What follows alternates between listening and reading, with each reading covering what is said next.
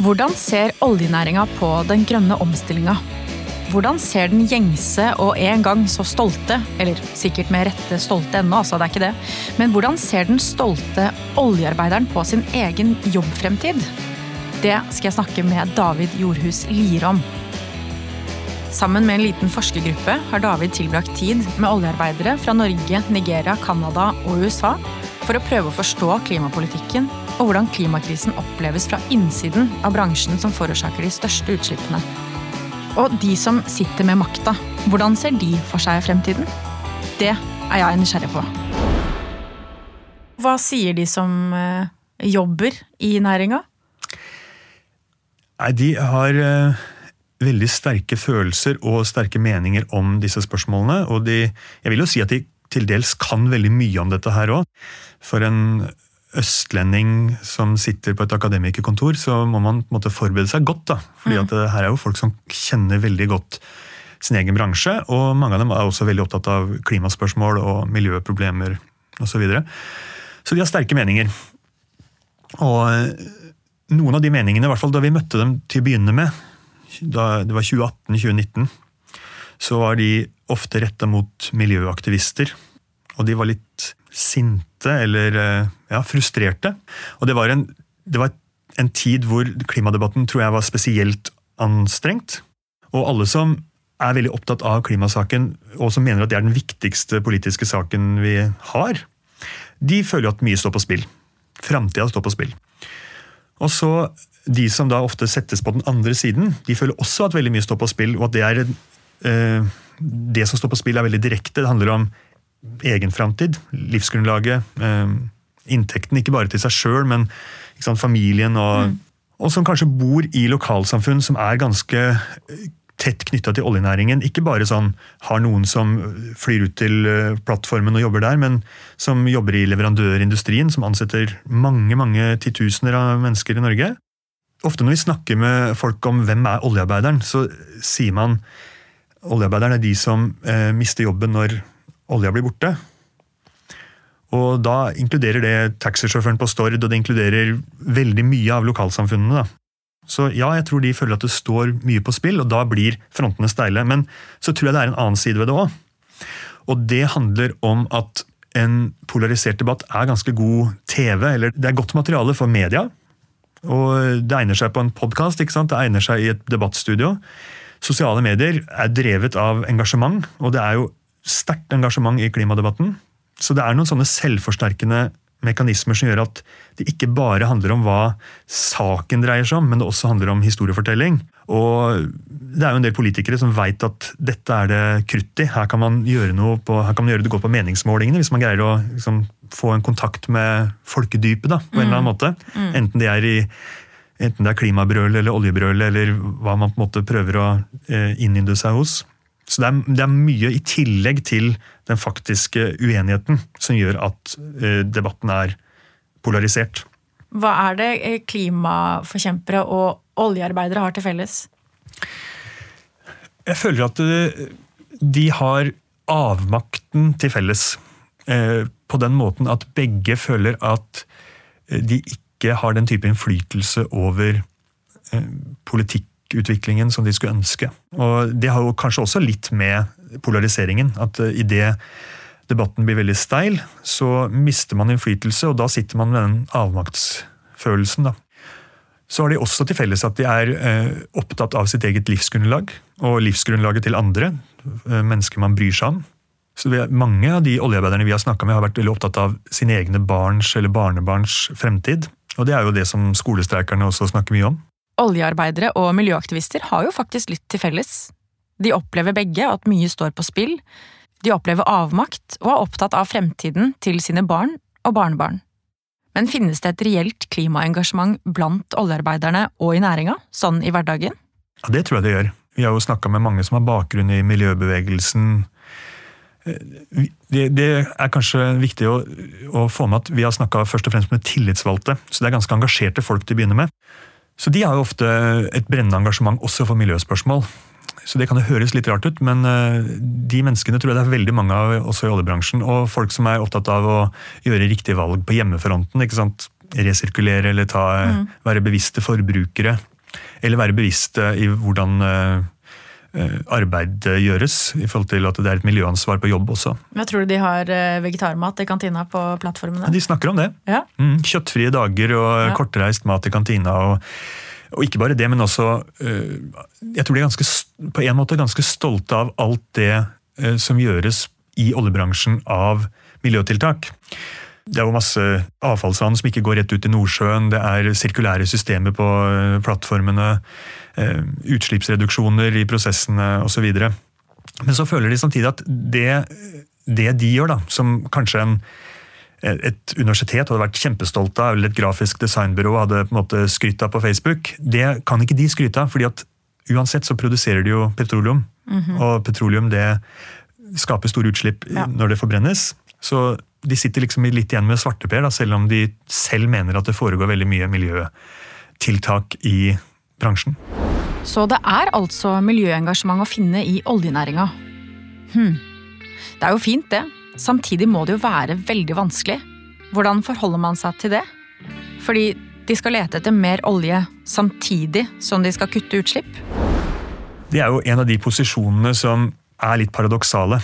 Og det er klart at uh, der finnes det noen motsetninger som det er litt vanskelig å snakke om. Fordi vi har allerede funnet mer enn nok olje og gass. Men eh, Så det som jeg både hører de vi snakker med si, og det jeg også nå hører politikere og bransjen si på radioen, det er jo at vi står i to kriser. Vi har en klimakrise, og så har vi en energikrise. Mm. Og jeg tror Det andre argumentet det har eh, blitt brukt i oljebransjen lenge, men det har vært mye lettere å si på, eh, i debatten etter krigen i Ukraina brøt ut og Russland strupa gassleveransene. Plutselig så er det jo en reell energikrise i Europa, og vi har vel kanskje det som kan kalles en energipriskrise i Norge. da. Så det å, eh, det å levere nok energi til en verden som ikke har nok energi, det har blitt eh, svaret på hvorfor vi må fortsette å lete. Men det er jo ikke et godt svar på hvordan vi skal kutte utslippene og hvordan vi skal komme i mål med klimaforpliktelsene våre, f.eks. Oljeindustrien presenterer ulike grunner til å fortsette aktiviteten på norsk sokkel, som at verden trenger pålitelig tilgang på energi, eller at vi ikke kan risikere å gjøre oss avhengige av autoritære regimer. En annen påstand er at den norske olja er renere eller grønnere enn annen olje. Stemmer det? Det er i alle fall et sånn talepunkt som blir eh, gjenfortalt mye i bransjen. Og jeg tror hovedpremisset da, i det argumentet det er at utslippene i produksjonen, utvinningen av olje på norsk sokkel, hvis man tar et gjennomsnitt, det ligger mye lavere enn mange andre oljeproduserende land. Det er ikke best i klassen. Jeg tror Saudi-Arabia har enda lavere utslipp, men mm. vi kan liksom si at vi er blant de, de som har lavest utslipp i produksjonsleddet. Jeg tror hovedgrunnen til at det talepunktet blir brukt såpass mye i oljebransjen, det er for, fordi at det kan brukes i klimadebatten. Og Måten det brukes på, er jo å si at skal man fase ut utvinning av petroleum, så kan Norge si at de burde de har en, et, en slags rett til å fortsette lenger enn andre, fordi de har tross alt den reneste produksjonen, eller blant de som har renest produksjon. Men dette er jo noe som vi bruker som et diskusjonstema når vi snakker med oljearbeidere. Og det er jo mange andre prinsipper også som kan brukes hvis man skal snakke om utfasing av olje. Det er jo ikke bare hvem som produserer den reneste oljen, men det er jo i klimaforhandlingene så snakker man jo også om retten til utvikling. Altså Hvilke land er det som allerede har nytt veldig godt av inntekter fra olje og har brukt det til å utvikle land, landet sitt, sånn som vi har? Og hvem er det som trenger inntektene fra eh, råvareutvinning for å utvikle seg? Og så er det et tredje argument, og det er eh, hvem er det som har de sterkeste skuldrene? Altså Hvem er det som har evnen til å omstille seg? Hvem er det som har den beste velferdsstaten og det beste trepartssamarbeidet osv. Så, videre. så både når det gjelder dette med retten til utvikling og evnen til omstilling, så er vel det begge argumenter for at Norge burde heller skynde seg og, og fase ut tidligere, eh, og la andre land eh, fortsette produksjonen. Ja, hvorfor skal ikke de få samme muligheten som det vi har fått? Ja, Dette er jo kronargumentet som brukes i klimaforhandlingene mm. av utviklingsland. Men utviklingsland er vel avhengig av norsk olje og gass? eller? Det mener jeg er en overdrivelse.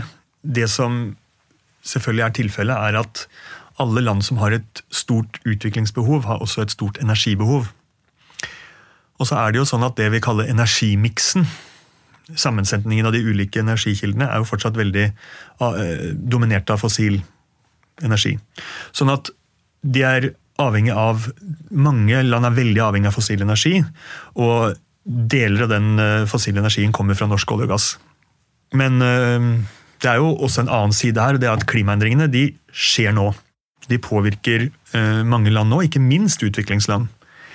Så det er jo ikke bare sånn at norsk olje og gass er med og gir løsninger i form av energibehovet som de landene har. De er jo også med og skaper vil jeg si da, er med å skape et eh, globalt problem som rammer utviklingsland i større grad enn land som Norge. Så det er både problemet og løsningen, men kanskje med litt ulike tidsperspektiver, eller litt avhengig av hvordan du ser det. Men om vi ser bort fra debatten om vi skal eller ikke, hvordan ser egentlig næringen selv for seg en utfasing?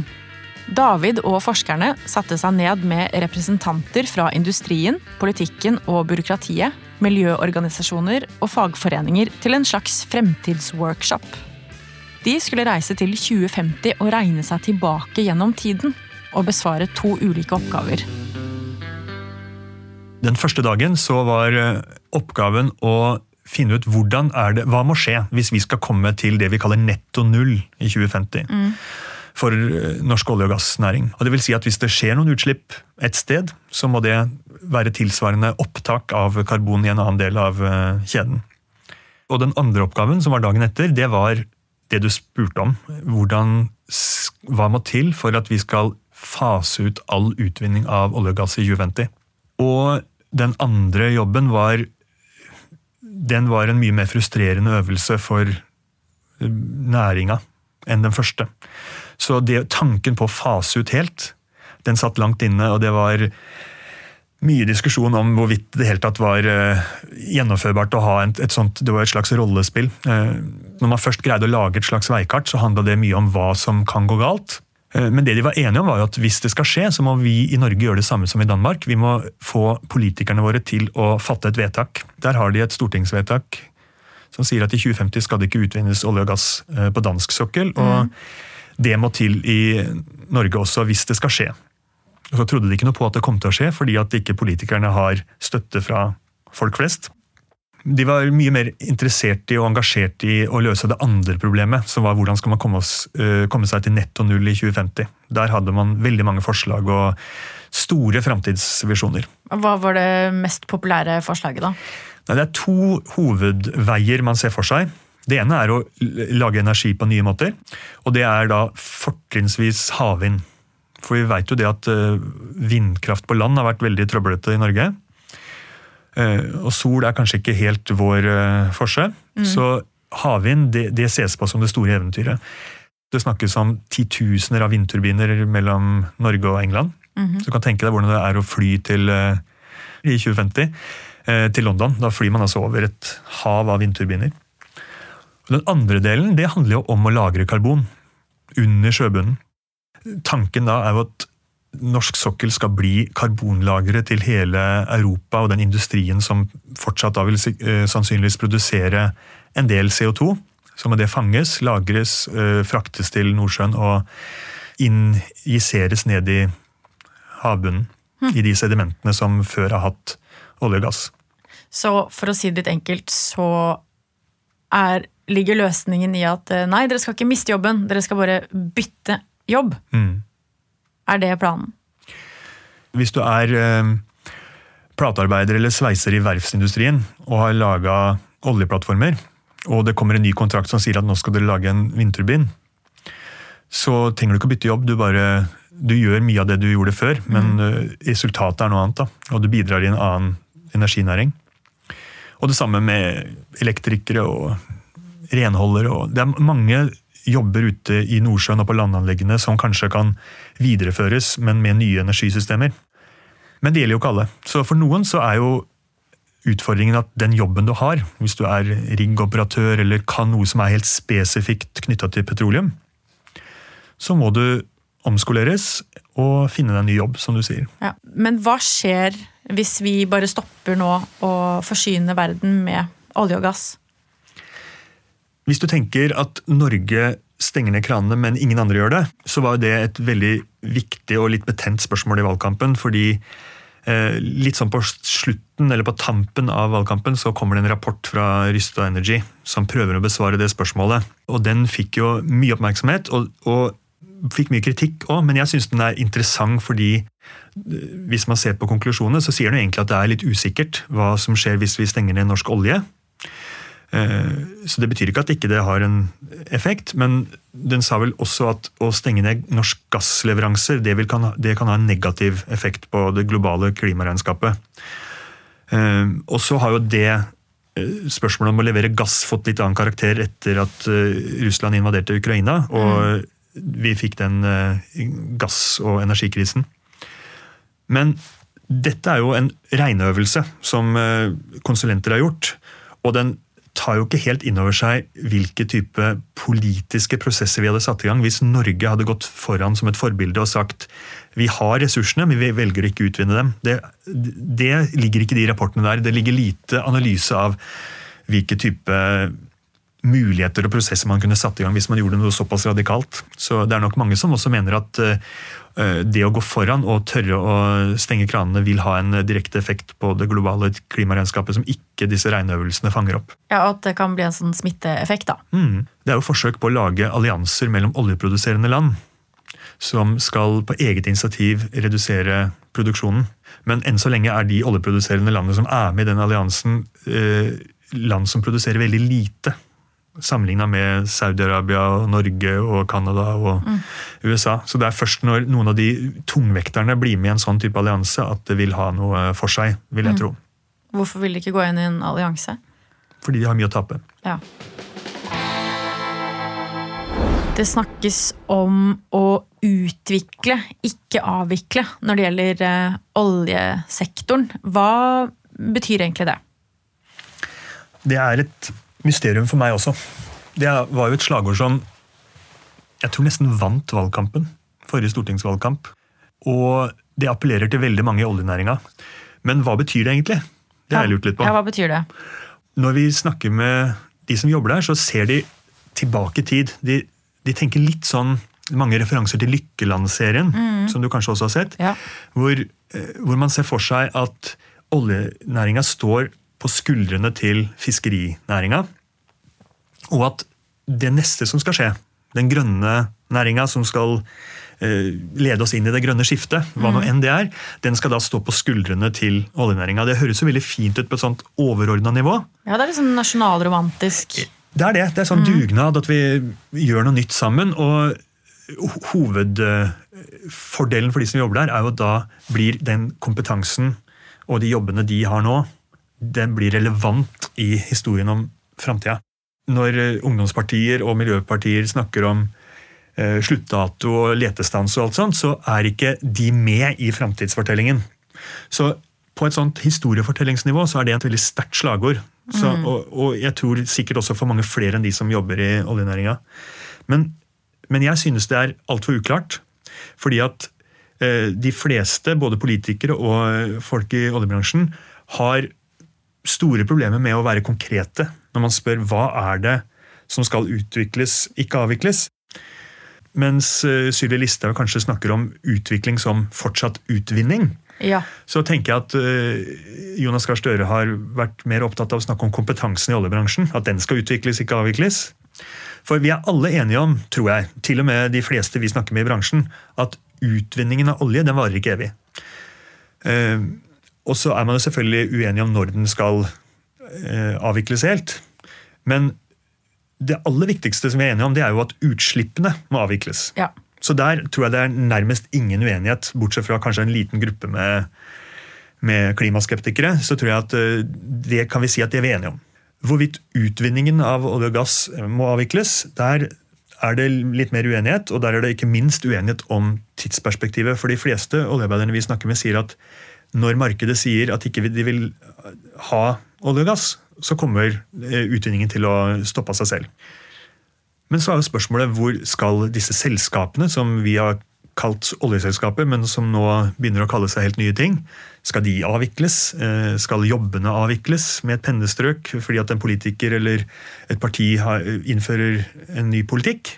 Så jeg føler at det ligger eh, en forventning til de som har vært med å skape det slagordet, om å være mer konkret. Da, om å snakke om hvordan noe skal Hva skal utvikles, ikke avvikles, og hvordan skal det skje?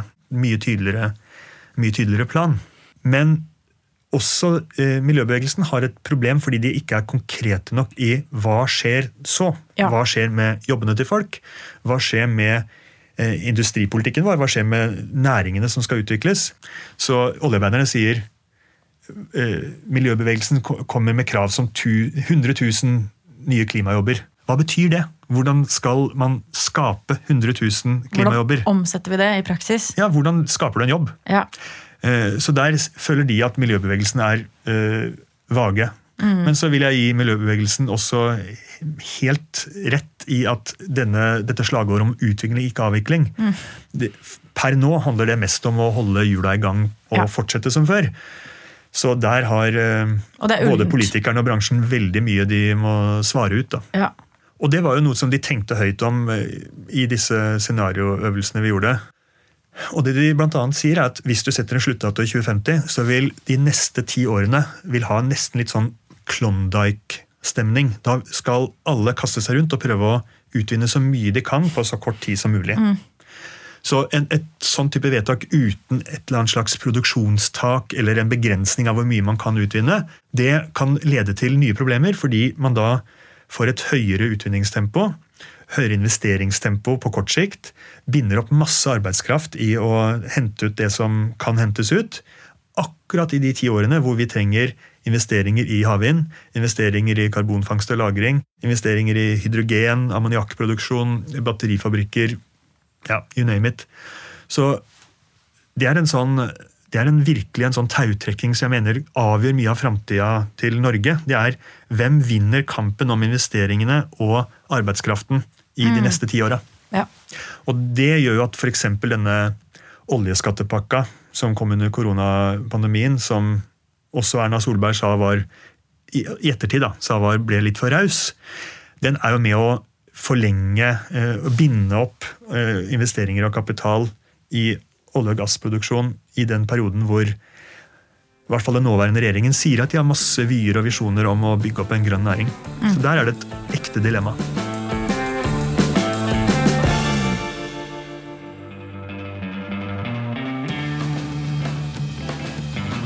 Denne podkasten er fra Universitetet i Oslo ved ansvarlig produsent Arild Blomkvist. Programleder er Sofie Frøysaa, produsent hos både og er Håkon Lange, og klipper er Olav Nedberget. Dersom du likte denne podkasten, vil jeg anbefale Sofiekuppel Norge, hvor Sofie Frøysaa inntar rollen som diktator, og gjennom seks episoder finner oppskrifta på å kuppe Norge. Dette er en episode i Universitetet i Oslo sin podkast Universitetsplassen. Her hører du forskere og gjester snakke om et vidt spekter av tema og viktige samfunnsspørsmål.